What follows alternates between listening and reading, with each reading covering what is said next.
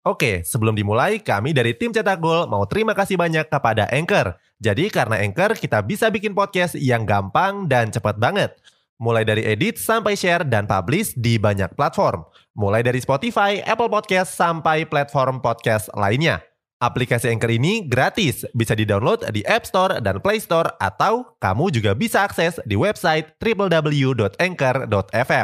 Jadi sekali lagi terima kasih kepada Anchor yang bikin Cetak Gol punya podcast yang bisa kamu dengarkan sekarang. Sederet pemain bintang berhasil merebut hati para penggemar lewat penampilan apik di atas lapangan.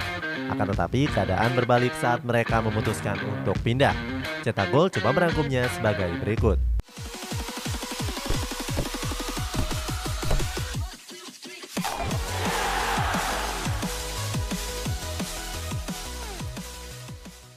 Robin van Persie. Untuk mengawali ulasan ini ada bomber asal Belanda Robin van Persie.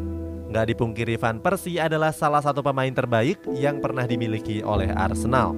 Van Persie yang didatangkan dari Feyenoord pada tahun 2004 langsung tampil apik dan mencuri hati fans. Sayangnya pada tahun 2012 para fans tersebut justru dibuat sakit hati. Pasalnya Van Persie memilih untuk hengkang dan bergabung dengan klub rivalnya Manchester United. Padahal di musim terakhirnya berseragam The Gunners, Van Persie berhasil menyabet gelar top skor. Dalam wawancaranya Van Persie sadar kalau dia sudah melukai hati fans Arsenal. Selain itu, Van Persie juga menyebut kalau dia nggak bisa menyenangkan semua orang. Robert Lewandowski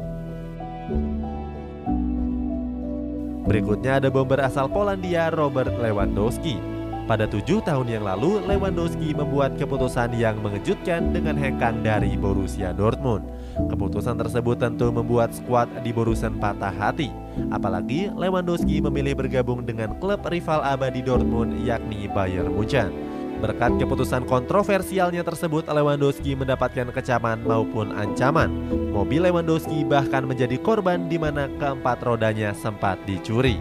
Lewandowski menambah daftar pemain Dortmund yang menyeberang ke skuad di Rotten. Sebelumnya sudah ada nama Mario Götze yang bahkan mendapatkan Judas alias pengkhianat. Oke sebelum dilanjut ada yang penasaran gak gimana caranya bikin dan nyebarin podcast yang kayak gini? Nah ini karena tim cetak gol pakai Anchor. Mulai dari rekaman, edit suara, tambah lagu sampai drag and drop bisa kita lakukan sendiri pakai Anchor.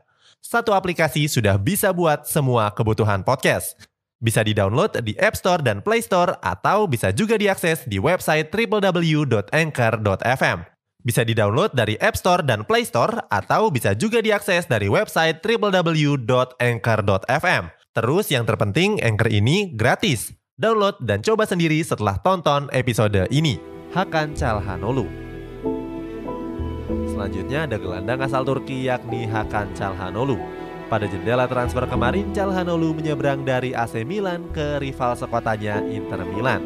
Calhanoglu memutuskan untuk hengkang dari AC Milan karena permintaan kenaikan gajinya nggak bisa dipenuhi. Hal tersebut tentu membuat fans Rossoneri kecewa dan menganggap Calhanoglu sebagai pengkhianat.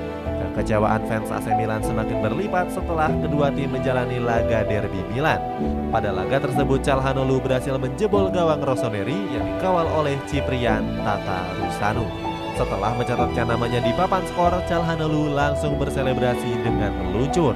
Gak cuma itu, Calhanoglu juga berselebrasi dengan membuka telinganya ke arah fans dari AC Milan.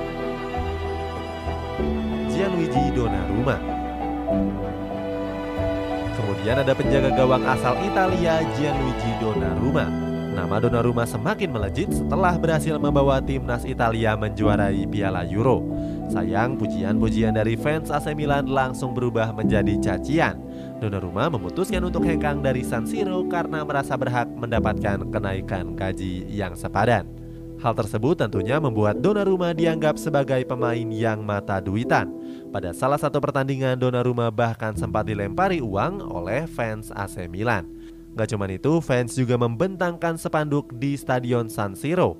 Spanduk tersebut bertuliskan kalau Donnarumma nggak akan diterima lagi di Milan. Lionel Messi